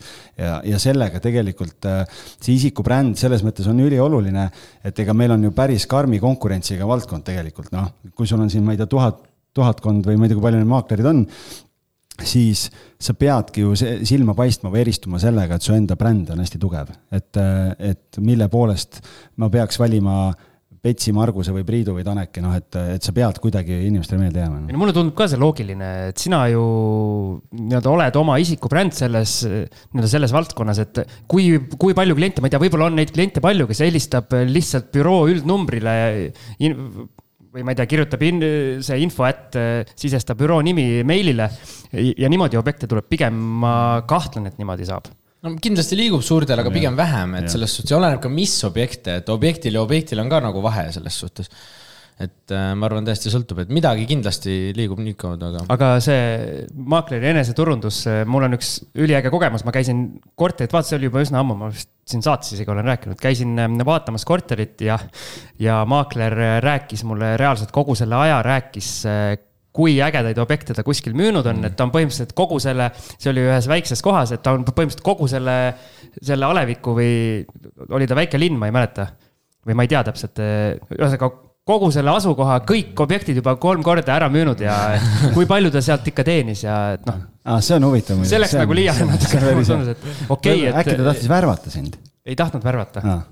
selles mõttes, et ta, ta, aa, ütles mulle kui ostjale, ütles selle lause, et ta on see mees, kes müüb siin kõige kallimalt kõik objektid maha. mul ostjana muidugi oli okei okay,, no selge. ma lähen võtan kellegi. ma lähen võtan siis selle naabri korteri. et noh, et kui, et mina küll su seda vahendustasu ei ole nõus siin kinni maksma, kui sa oled kõige kallim. tal on selles müüa. mõttes võib-olla noh, ongi, ta ei saa aru, et eh, ostjale ja müüjale peab natuke erinevalt lähenema, et kõigile üks ja sama jutt, et nagu. no mõistlik oleks, mulle tundub nagu, et aga, aga samas, kui ta on nii edukas, siis ju siis tal töötab see asi. no siin ongi see nagu kvantiteet versus kvaliteet, ma arvan, mängib ka nagu rolli, et ma kuulen ka, et sest et noh, et maaklerid on palju, on ju, konkurents on kõrge ja mul oli endal üks samamoodi üks üüriklient, on ju, üürisin tema korteri välja, ütles, kuule, Tanek, ma tahaks selle müüki panna, vaata ja ta ütles ka, et ta noh, et ta vaadata nagu erinevaid valikuid, ta kontakteerus nagu väga paljude erinevate büroodega ja ütles samamoodi, et nagu täitsa pekkis, et ma arvasin, et teil on kõva konkurents, aga noh, see tase on nagu ääretult madal. ta ütles, et see ei jõua nagu ligilähedalegi sellele, mida teie ainult üüriga teete ja müügiga on sul kõvasti tööd rohkem, kulusid rohkem, variante rohkem, et see suhtumine mängib nii palju rolli ja ta ütles, et see noh, see kvaliteet oli täiesti uskumatu. ja see tase minu arvates on madal, sellepärast et see lävend on olematu, et põhimõtteliselt ja. ükskõik kes võtab endale kilekoti kätte ja hakkab maakleiks, nagu meil siin on ka läbi käinud. Et äh, ei ole mingit äh,. aga ma ikkagi tahaksin tervitada kõiki kolleege teistest ettevõtetest, sest meie tegelikult on väga palju häid maaklereid. on, nõus, mina, kes me, me olen. me oleme head, aga, aga on veel häid, et, et tervitused kõikidele. mina, kes ma olen ülikriitiline, siis ma nõustun, et äh, erinevate objektidega sa saad selle väga positiivse kogemuse, aga kahjuks sa saad selle väga negatiivse kogemuse ka, et see on nagu igal, nii-öelda igal elualal või igas valdkonnas, et on häid tegi- ja need head tegijad tegelikult jäävad ka turule, eks need, need halvad, need kukuvad ära, tulevad uued, tulevad, need kukuvad ära ja seal allpool see nii-öelda rotatsioon toimub kindlasti on mul õigus? okei okay,, aga räägimegi sellest nii-öelda negatiivsest kuvandist, et mina väidan, et maakleril üldiselt elukutsena on äh, üldsuses üsna, üsna negatiivne kuvand. kas te nõustute minuga ja kui jah, siis mis, mis selle põhjus on või miks te arvate, et miks see nii on? Mehed mõtlevad nüüd, vaatavad üksteisele otsa.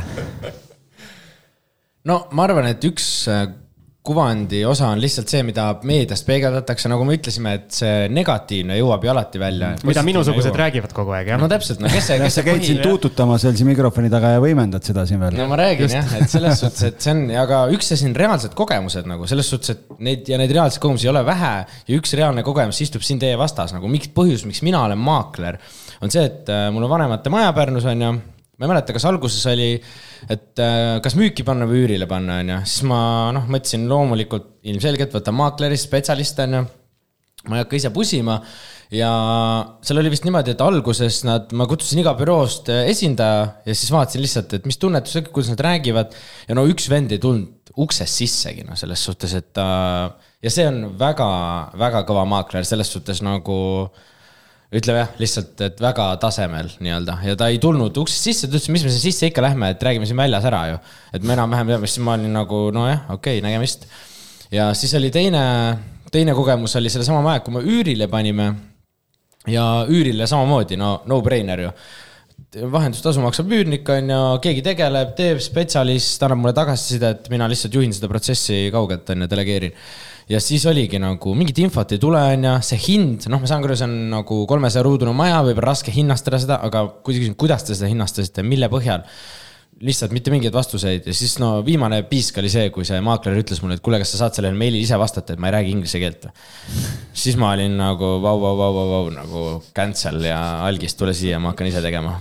kvaliteet on nii madal.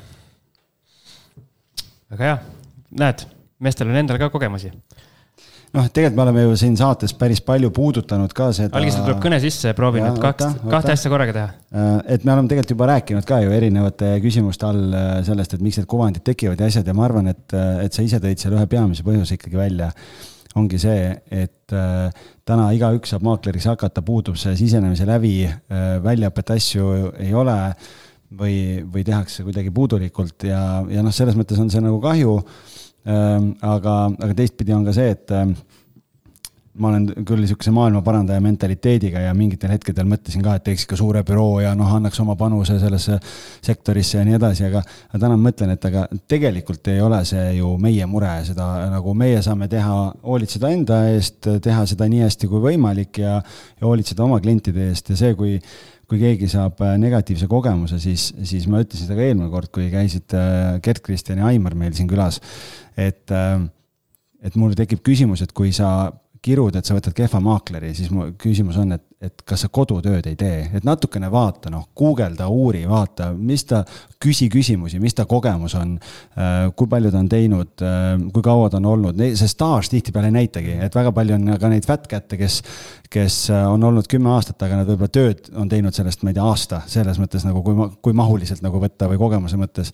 aga, aga ikkagi see kas sul selle inimesega klapib äh, nagu, kuidas ta teeb, milline ta kuulutuste kvaliteet on, et kui sa vaatad, mis tal objektid on, et kui ta paneb ainult kuulutuse üles ja kolm rida on ju, noh, et kas see on see maakler, keda sa tahad võtta või miks sa nagu valid või mm., või, või mille alusel sa valid, et kas, ah, võtan kõige odavama vahendustasuga, on ju, noh, aga kas see on kvaliteedi näitaja jälle, et äh, et tegelikult ikkagi väga paljudel juhtudel jälle panen omanikele ka südamele, et nagu tehke oma kodutöö ära ja võtke ise ka vastutus selles osas, mitte nii, et ah, ma võtsin maakleri ja siis pärast sa ei ole nagu rahul, aga, aga kui sa teed nii, nagu Tanek ütles enne, et sa annad oma kõige, kõige kallima vara, annad nagu nii tähtis otsus, et sa annad kellegi kätte, siis, siis see peaks olema ka ikkagi nagu läbimõeldud otsus, on ju sa teed seda nagu ühe korra elus või kaks korda elus selles suhtes, et see kukkumine võibki valus olla sealt selle pealt, et see ongi see due diligence ära teha ja see on, see on nagu Algis ütles, et see on sinu peal ka täpselt samamoodi, et lihtsalt mõnikord on sellist, et inimestena ei klapi, on ju, et istud inimesega maha, vestled, aga lihtsalt näed, et kuidas see koostöö võiks nagu olla, inimesed ongi erinevad, see on täiesti fine nagu.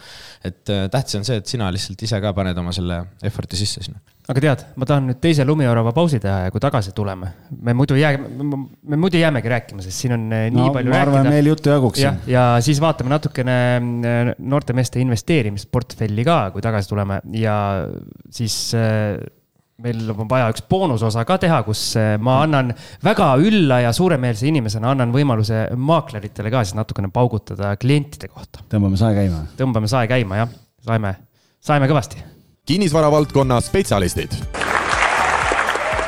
kinnisvara kakskümmend neli soovib tänada kõiki, nii oma pikaajalisi kui ka uusi kliente. viimase aasta jooksul on Kinnisvara kahekümne neljaga liitunud üle saja uue kinnisvarabüroo ja arvukalt kinnisvarahuvilisi Kalamajast Setomaani.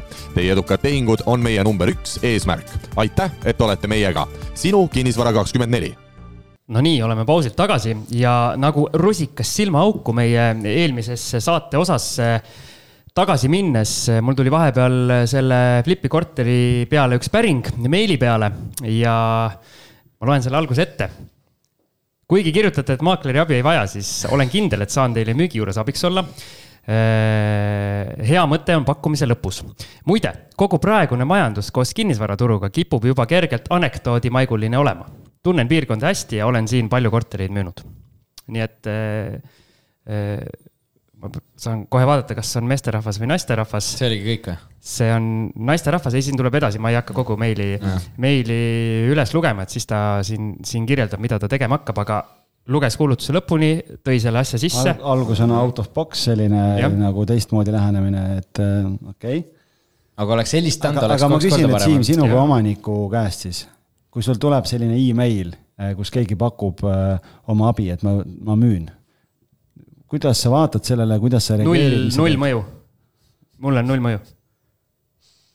mõttes, et äh, jällegi suht tihti mulle tundub, et see on nii-öelda copy-paste tekst, et äh, noh, see ei mõju nagu absoluutselt, aga kui on niimoodi natukene vaeva nähtud, siis ma loen läbi, aga, aga ega ma ei reageeri, ma kindlasti ei vasta meilile mm. -hmm. hea näide sellest, mida me väljaõppes räägime, et email on lihtsama vastupanu teed minek, aga enamus omanikke sellele ei reageeri, ei vasta mm. maakler pani omale praegu linnukese kirja, et ma olen ühe kontakti teinud, aga tegelikult tulemust sellel ei ole. emailiga mulle tundub, on see, et kui sa oled juba näiteks teinud äh, selle külmakõne ära, teinud ka selle jätkukõne ja mm, ja siis on ikka veel ei, vaata, siis sa võib-olla veel, kui ma näiteks äkki sellesama maakleriga oli, kes äh, anekdoodiga alustas, et ma juba nüüd viimati ütlesin talle, et mul on notari aeg paigas ja, ja siis ta saatis mulle pärast veel meili, et umbes, et kui, kui see nii-öelda tehing läbi kukub, et siis ma olen ikka olemas, et umbes mm. nagu sellise meili. väga mõistlik. ülihea süsteem tegelikult, inimene hoiab meeles, paneb äh, paika, on ju, teeb neid, isegi kui sa ütled, et kuule, cancel, siis ta on mhm. nagu ikka nii, et aga kui on vaja, aga mitte liiga push'i, vaata. et mõnus sihuke. vot minu jaoks ongi see, et ma ei taha seda pealetükkivust ja, ja siis ongi see, et kui me oleme juba suhelnud ja ma olen talle mitu korda ei öelnud, siis meil on mul nagu väga okei okay,, et ta on mm. nii-öelda ikkagi on mul meeles, on ju, aga, aga see ei ole minu jaoks pealetükkiv. no müügis öeldakse, et äh, jah, tuleb keskmiselt pärast seitsmendat ei-d, nii et. no ma olen natukene selles mõttes äh, võib-olla ebatavaline, vähemalt ma, ma ise arvan niimoodi. eriline jah. eriline, eriline inimene, et eh, mul on igasuguste müügimeeste vastu on nagu mingi erilist, erilist moodi allergia nagu. peab ikka julgus olema siin laua taga seda et nagu päriselt, minul, minu peal seni reaalselt ei ole töötanud mitte ükski müügistrateegia ja, ja vastupidi, ma lähen kohe nagunii lukku ära, kui keegi hakkab mulle midagi pakkuma, ehk siis. Äh, oota, mis su telefoninumber ongi? see on vabalt leitav, nii et kõik head müügimehed võite helistada ja pakkuda kõike. aga tavaliselt ma panen kohe selle asja kinni. Ah, oota, kust te helistate? nii, äh, me tahtsime tegelikult investeerimisest ka rääkida ja Algis on siin need küsimused teinud, tulid jälle öösel nagu alati vastu saate. vahet ei ole, mis kell tulevad, mees tuleb hommikul stuudiosse, küsib kas sa saatsid küsimused ka või? esimene, e-, esimene selle ploki küsimus on, kas olete ka investorid, ma vastan teie eest, jah. järgmine küsimus on, mida teie portfellist leiab? Äh, minu portfelli vundament, sihuke raudvara, on garaažid. et äh, see on sihuke mõnus, sealt äh, tuleb iga kuu raha peale. mul on portfellis ka aktsiaid, et kui sealt kukub midagi, siis ma tean, et garaažidest. tõstad garaažiga üüri kohe. ja seal on jah, dividendiaktsiaid ja, ja lisaks nüüd võtsin veel ka õppelaenuga LHV äh, võlakirju. võlakirju, jah? jaa, pane uuesti see või? ei pane, ei pane ei midagi, meil ei lõigata midagi, siin on ja. Äh, aus ja omadega. jaa ja., võtsin, äh, sest et õppelaenu protsent oli seal äh, viis ja võlakirja protsent oli kümme koma viis, ehk siis tundus nagu tasuta raha. arbitraaž on selle nimi. jaa, jaa. aga mulle suva nendest võlakirjadest, räägime nendest garaažidest nüüd kus need asuvad, palju neid on? varitsemas käinud ju. jah, vot üks, üks asi, mida ma ei ole saanud ühtegi kätte veel, on garaažid. oi, need on väga magusad väga raske on kätte saada oota, kas enne juba natukene rääkisid, vaata, et sa tegid siin mingeid külmi kõnesid üldse mingi garaažidele, mis ei olnud üldse müügis ja nii edasi, et kui vanalt sa ostsid esimese garaaži? seitsmeteistaastaselt, koos emaga notarisse. aga kuidas üldse, kuidas tuleb üks seitsmeteistaastane selle peale, et hmm, hakkaks garaaži ostma? Kinnisvarajuttude podcast, et äh,. vot nii. vot nii, jaa. no meist on kasu olnud. jah et see, sealt ma kuulasin, et saab raha teha ka nii, et sa nagu ei müü enda tundi, vaid et tiksub nagu kogu aeg peale ja siis ma hakkasin vaatama, uurima, ma nägin ka selle ähm, kinnisvaragrupis, et, et garaaže nagu antakse üürile ja siis ma hakkasin vaatama, et kas, kas müüakse ka. Ja enda esimese garaaži ma ostsin äh, raamatukogu tädi käest. mis hinnaga said? selle ma sain äh, kahe ja poole tuhandega. oota, kus see asukoht on, kas me rääkisime? see asub Rakveres. Rakveres, jah. jaa, aga ka seal on niimoodi, et ähm, mõnda asukohta ma ostan kindlasti ja siis üks asukoht on niisugune, kuhu ma ei taha osta aga need on, me ikkagi räägime sellest kuulsast nii-öelda nukaaegsest, mida kunagi enam juurde ei ehitata ja yeah. pigem lükatakse maha. et garaaži puhul yeah. on ka see asukoht, asukoht, asukoht, aga mis sellel ühel asukohal siis on, et see ei sobi näiteks? see asukoht on Pagusool, ta on nagu kortermajade taga mm., ümberringi on mets, ta on kuidagi sihuke pime, ma ei, ei, ei tundu kuidagi turvaline koht ja seal käiakse, aga on käidud ka päris palju sees garaažides.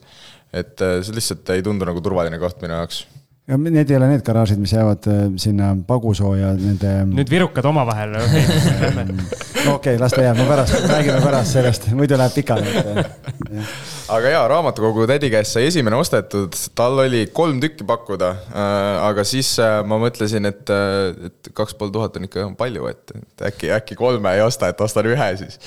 ja, ja sealt hakkas nagu lumepall veerema. süda tilgub verd ka täna või? Et kolm ei ostnud. natuke ikka tilgub palju seal see üür on, et okei okay,, kaks pool tuhat, võid meile selle praeguse hinnataseme ka öelda, millega praegu need liiguvad ja siis see üürisumma ka? Ähm, no üürisumma seal oli kuuskümmend viis alguses, aga mul on hetkel ka kaheksakümne viiega ühene boks ähm, üüril. et see täiesti, täiesti sõltub aga sellesama boksi, mis ma kahe poolega ostsin, müüsin ma kuue poolega maha ja siis mõtlesin küll niimoodi, et, et kes nii kalli hinna eest ostab ja praegu, kui keegi mulle kuue poolega pakuks, siis ma ostaks ise et hetkel on see hind seal umbes äh, kümne kandis. ei no, ei, ei no never sell ikka või? jaa. Model. jah, sest no üür tiksub peale ja selles suhtes, äh, kui kahe poolega kätte saad, siis äh, mõne aastaga see on juba tasa ja, ja sealt tuleb ainult tasuta raha. puhtalt rahavoo baasilt kolmkümmend üks protsenti tootlust. jaa, jaa. ja sealt edasi. miks ära müüsid siis? See on hea küsimus äh, tuli äh, meeltesegadus peale korra või? jaa, ma lihtsalt mõtlesin, et äh, kahest poolest kuus pool teha, et see on päris nagu äge. et siis on nagu kuus pool kilo käes, et sihuke mõnus patakas, et sulast toodi raha või? jah, jah, ikka emaga koos notarisse jälle ja. ema ridiküli läks kogu see raha poiss, anna siia. ma panen hoiule ära aga sealt edasi läks niimoodi, et tegin siis neid külmasi kõnesi ja juhtus nii, et sain viie tuhande viiesajaga kaks boksi kõrvuti nii et vaheseina nagu vahel ei ole. ja siis äh, jäi sealt sellest kuue tuhande viiesajast veel tuhat eurot üle ja ja sinna mul on üürnik sees saja kuuekümne viiega, ka kolmkümmend protsenti, natuke rohkem tootlust. kas praeguses turuolukorras äh, leiab ka sellist kolmekümne prossast diili seal garaažidega Rakveres?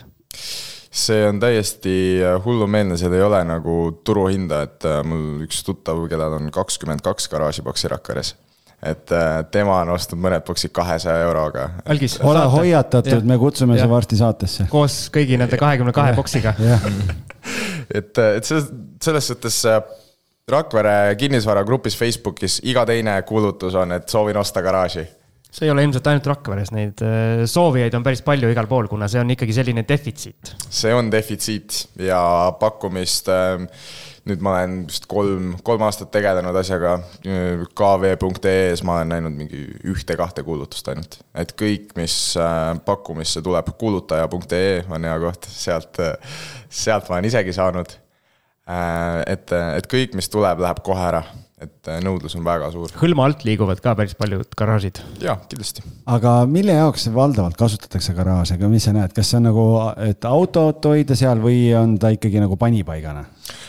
pigem ikka panipaigana, aga seal on nagu see hea asi, et äh, kui, kui sa nüüd elad näiteks korteris, viid enda kõik äh, mudru sinna garaaži ja siis sa ju ei lõpeta seda üürimist niisama ära. mida sa teed selle garaažitäie asjadega, et selles suhtes mul pole vist mitte ükski üürnik nagu vahetunud et. aga maksavad ikka, jah? jaa, ilusti. ja, ja tõstad ka ja ega nad nüüd selle viiekümne euro pärast sealt ära ei hakka minema enda asjadega, et äh, protsent Keegi läheb palju paremaks. reede õhtul, et boiler läks katki. mitte ühtegi probleemi ei ole veel nagu olnud. eks see on äh, nii-öelda heaoluühiskonna asi, et inimestel järjest rohkem asju, oma see panipaik ajab juba üle ääre, et siis tuleb ja. kuskile mujale viia. mis on eestlaste rahvussport? Asjade kogumine. kellel on surres rohkem asju. aa, õige, õige, see, see on väga hea. mul on selles mõttes lihtne, et mul on äh, see Peeter Pärtli Jüri nutilaud on saja meetri kaugusel, et ma võin seal neid asju koguda lõpmatuseni. lihtsalt, et oleks jaksu maksta. aga kõi- üks äge lugu, mis mul garaažidega on, oli see, et äh, ma tegi, käisin ühel päeval kaks korda notaris. esimene tegu oli, tehing siis oli garaaži müümine ja teine tehing oli garaaži ostmine ja, ja, ja kui ma järgmine päev äh, garaaži juurest mööda sõitsin, siis äh, mõlemad osapooled, kes, kellelt ma ostsin ja, ja kellel ma müüsin, olid seal, rääkisid omavahel, et äh, oleks väga tahtnud teada, millest nad seal omavahel rääkisid, et et ma arvan, et nad kahekesi oleks jõudnud nagu päris hea diilile, mis oleks mõlemad osapooled õnnelikuks teinud, aga noh, õnneks ma sain sinna vahele ja, ja Tegid sinu õnnelikuks tegid hoopis minu õnnelikuks. Šaakal oli kohal. okei okay., millal esimese, esimese korteri, üürikorteri portfelli ostad? Kahe aasta pärast, hiljemalt. tegelikult me põgusalt arutasime seda teemat sinuga mingi nädal tagasi ka vist. jah, jah et me, tal siin ujus mingi ostja külje all ja siis oligi see arutelu, et, et kas müüa või mitte müüa ja mida siis selle rahaga edasi teha, kui müüa. et siis me arutasime mingeid erinevaid variante. aga kus su see siht saab siis olema? investeerimise mõttes just. no esimene siht oleks kindlasti, olekski korter. ei, ma mõtlen eh, nagu piirkonna mõistes. aa, piirkonna mõistes äh,. mulle väga meeldib enda kodukant äh, Rakvere juures Sõmeru. see on äh, väga vaikne koht ja samamoodi väga vähe kuulutusi on üleval ja hinnad on päris head, et see on ülimõnus elukeskkond. kas Sõmeru sai esimese, esimese mainimise meie saate ajaloos? ei meenu küll praegu, et oleks äh,. uus, uus koht kaardil. ja, ja väga hea koht. Nii et kui oled kunagi see Sõmeru eh, kinnisvaramogul, siis eh, räägime, räägime pikemalt saates uuesti.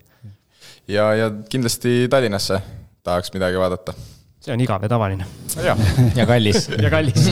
jah, Tanek teab rääkida. noh, Tanek, räägi siis. mina tean rääkida jah, no selles suhtes ma investeerin erinevatesse varaklassidesse, on nagu aktsiad, ma olen osanik paaris startup'is, ühisrahastus ja füüsiline kinnisvara, mis teid siis ilmselt kõige rohkem huvitab, on ju no muidu me seda saadet ei teeks ilmselt. no täpselt, aga jah, ostsin siin kuu-kaks tagasi äkki Kristiine keskuse vastas oli üks äh, renoveeritud A-energia klassi maja ehk siis nagu vanem maja, mis oli siis korda tehtud, on ju. ja kuna praegu on äh, siiamaani, muidu oli see kuni vist septembrini oli sihuke pakkumine Swedbankal, et kui on A-energia klassi maja, siis on null intress ja maksad ainult Euribori järgmised kaks aastat. väga atraktiivne selle pealt läksingi, terves Tallinnas oli ainult üks äh, nagu renoveeritud A-energia klassiga maja pakkumises on ju. ja, või noh, korter. ja siis sinna ostsingi, sain tänu noh, kuidas seda nüüd öelda, mitte nii kompetentsele maaklerile väga hea hinnaga selle, ma sain seal. viisakalt, viisakalt räägitakse praegu. ma sain seal nagu päris arvestatava summa alla, seitse-kaheksa tuhat, mis on tegelikult päris hea soodukas. Ja kohe oli üürnik sees, sest et noh, me teame, kuidas üürnikke leida. ja oota, ostes oli või sina ise ei, ei selles suhtes, et kohe, kui okay., Ja, kohe ja. kui ostsin, siis panime üürnik sisse, esimese kolmekümne päevaga oli üürnik sees ja rahavoog positiivne. Euribor hakkab langema kuule, aga sul on see maja ka ju mingi eriline, ma ühes saates pisteliselt mainisin, et kas ma mäletan õigesti, et seal on see mure, et nüüd, et ei ole vähe raha, vaid et remondifond on nii suur, et nüüd ühistu arutab, et kuhu seda raha ei investeerida. nagu selles suhtes jah, viimane, ma käisingi esimesel sellel koosolekul, siis oligi nagu see, et kuna noh, kuskil ei ole nagu väga panna, kõik asjad on nagu tehtud, aga see teatud mingit seda, seda peab hoidma nagu teatud äh, protsentuaalselt mingid summad pead hoidma kontol, siis oligi nagu see. likviidsusfond või mis iganes. äh, kus me paneme ja siis läkski sinna tähtajalisse, tähtajalisse hoiusesse nagu. Kusjuures äh, ma ei tea, kas ma tohin seda kõvasti öelda, aga ma olen selles, üks sihuke Facebooki grupp on, kus on ainult need äh, korteriühistute inimesed, sinna muidu vist ei lasta.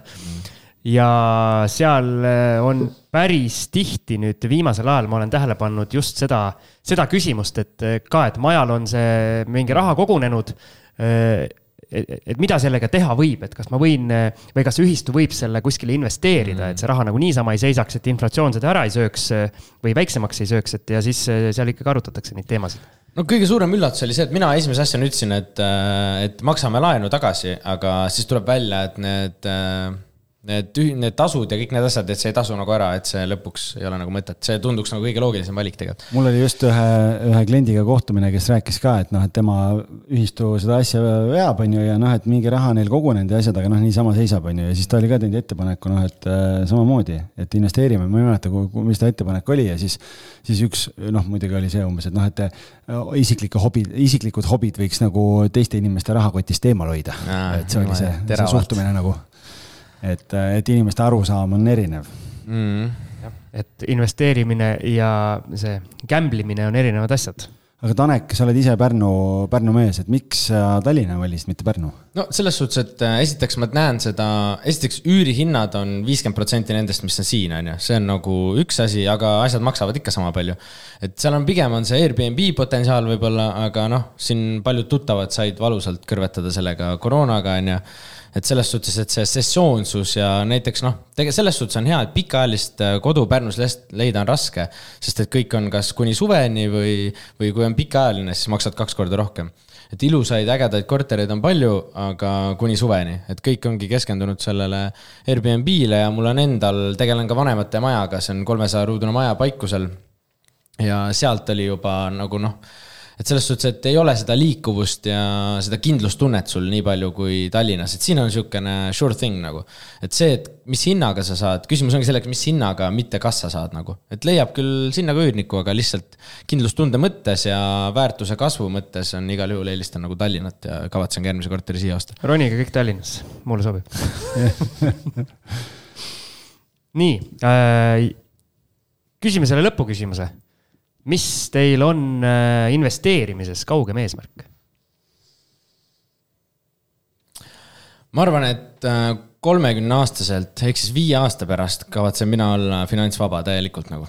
kindlasti saaks ka varem, aga point on selles, et äh, lihtsalt äh, kulud ja ambitsioonid on suuremad et kolmkümmend on niisugune mõnus arv, kus enam ei tahaks tööl käia, sellepärast ilmselt ma teeksin seda tööd edasi ja täpselt samamoodi ma olen ka mõelnud selle maakleri teema peale, et isegi kui mul oleks, siis mulle meeldib inimestega suhelda, mulle meeldib teha neid, luua neid häid kogemusi ja aidata inimesi ja kui see noh, see on niisugune asi, mis, kui sa teed seda mitte raha pärast, siis see raha tuleb loomulikult järgi.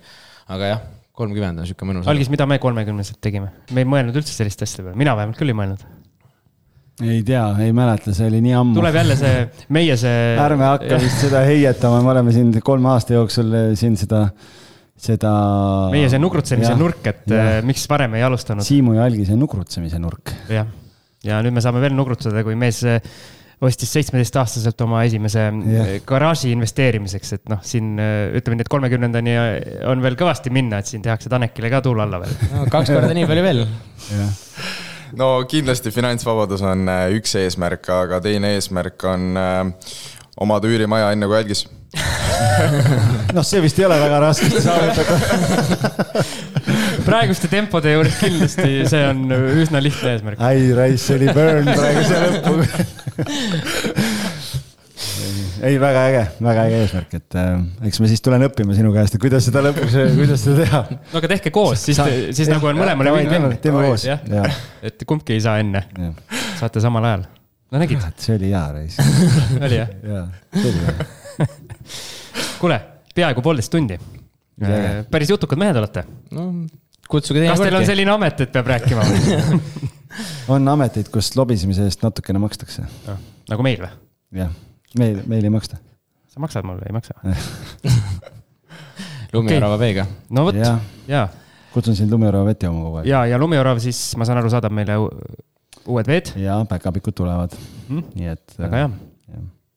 Ja see saade läheb veel eetrisse enne jõule ja enne aastavahetust, nii et soovime meie kõigile kuulajatele häid ja rahulikke jõulupühi. ärge siis jõulude ajal jumala eest kinnisvaraga tegelege, et jätke paar-kolm päeva ka oma pere jaoks. tegelikult Siim, meil tuleb ka jõulude ajal saade välja. Me oleme nii ägedad no vennad, siis et meil tuleb jõulude ajal ja meil tuleb esimene jaanuar ka, kui kõik läheb Jaa. plaanipäraselt, nii et me oleme kogu aeg, oleme teiega. just, nii et kuulake meid kuulake meid, sööge hapukapsast ja verivorsti. teistsugused jõulud, et saad perega laua ümber kokku ja paned Kõik Kinnisvara jutud peale. taustale mängima jah, jah, ja kui vanaisal on ainult see vana, see nõelaga plaadimängija, siis, siis mis me siis teeme? siis viidki või tähendab kingid, päkapikud toovad just. mingi kaasaegsema vahendi, kust saab kuulata ka sellist Näed, head kraami. super head kingimõtted ka veel Jaa. siia podcast'i, meil on Idekas. väga mitmeülbaline see asi. Aga maakler jõuludel tegutseb. Maakler tegutseb kolmkümmend päeva kuus, kuusteist tundi päevas ja seitse päeva nädalas. ja mõnel kuul siis üks päev ei tegutse. no vahepeal peab puhkama ka ju. ei, ühes sa mõtlesid ühes aastas, üks päev ei tegutse okei, kahekümne neljandal äh, võib sulle helistada. mulle võib helistada kogu aeg, isegi magades. niisama võib ka helistada või? muidugi, mulle meeldib niisama ka suhelda inimestega. või anekdoote tahate või midagi, siis okei okay., ja Rasmus, sulle võib ka helistada või? jaa, kindlasti ja, ja ärge jõulude ajal liiga palju puhake, et äh, olge ikka kinnisvaraturul aktiivsed. siis on meil ka tööd teha. noored, noored ikka pressivad, vaata kas. midagi on siin elus hästi ka läinud ikka? okei super, et saite tulla, väga, väga äge suur tänu kutsumast. suur tänu kutsumast, ma tahaks siia lõppu veel oma ema tervitada, kes kindlasti, kes kindlasti seda kuulab. tervitame siis kõik Taneki ema. jah, Anneli Bergmann. tere, ema. nii, aga nüüd on küll kõik, aitab. või on kellelgi veel mingit tervitust? tervitame siis kõikide emasid. Algis, äkki sa tahad tervitada see äh, Salla kooli popp-poiss üheksakümmend kuus teiseks jäänud seda võistlejat? ma isegi, vaata, kui sa üksi ainukesena võistlusel osaled, siis kedagi tervitada. no selge, selge, siis, siis ei ole kedagi tervitada. aga Algise ema tervitame ka tegelikult. ja, tšau ema. tšau. ja siis meil on üks boonusosa ka tulemas, kus siis ma annan maakleritele võimaluse, nagu ma ütlesin, ise sae käima tõmmata ja meile kui klientidele puid alla panna. nii et eh, kuulake seda ka. Patreon.com kinnisvarajutud on see koht. just, olgu, tšau. tšau. kvaliteetsed ja kestvad ventilatsioonisüsteemi terviklahendused teie kinnisvarale. rohkem infot leiad www.knwood.ee. kinnisvara valdkonna spetsialistid kinnisvara kakskümmend neli soovib tänada kõiki, nii oma pikaajalisi kui ka uusi kliente. viimase aasta jooksul on Kinnisvara kahekümne neljaga liitunud üle saja uue kinnisvarabüroo ja arvukalt kinnisvarahuvilisi Kalamajast Setomaani. Teie edukad tehingud on meie number üks eesmärk. aitäh, et olete meiega. sinu Kinnisvara kakskümmend neli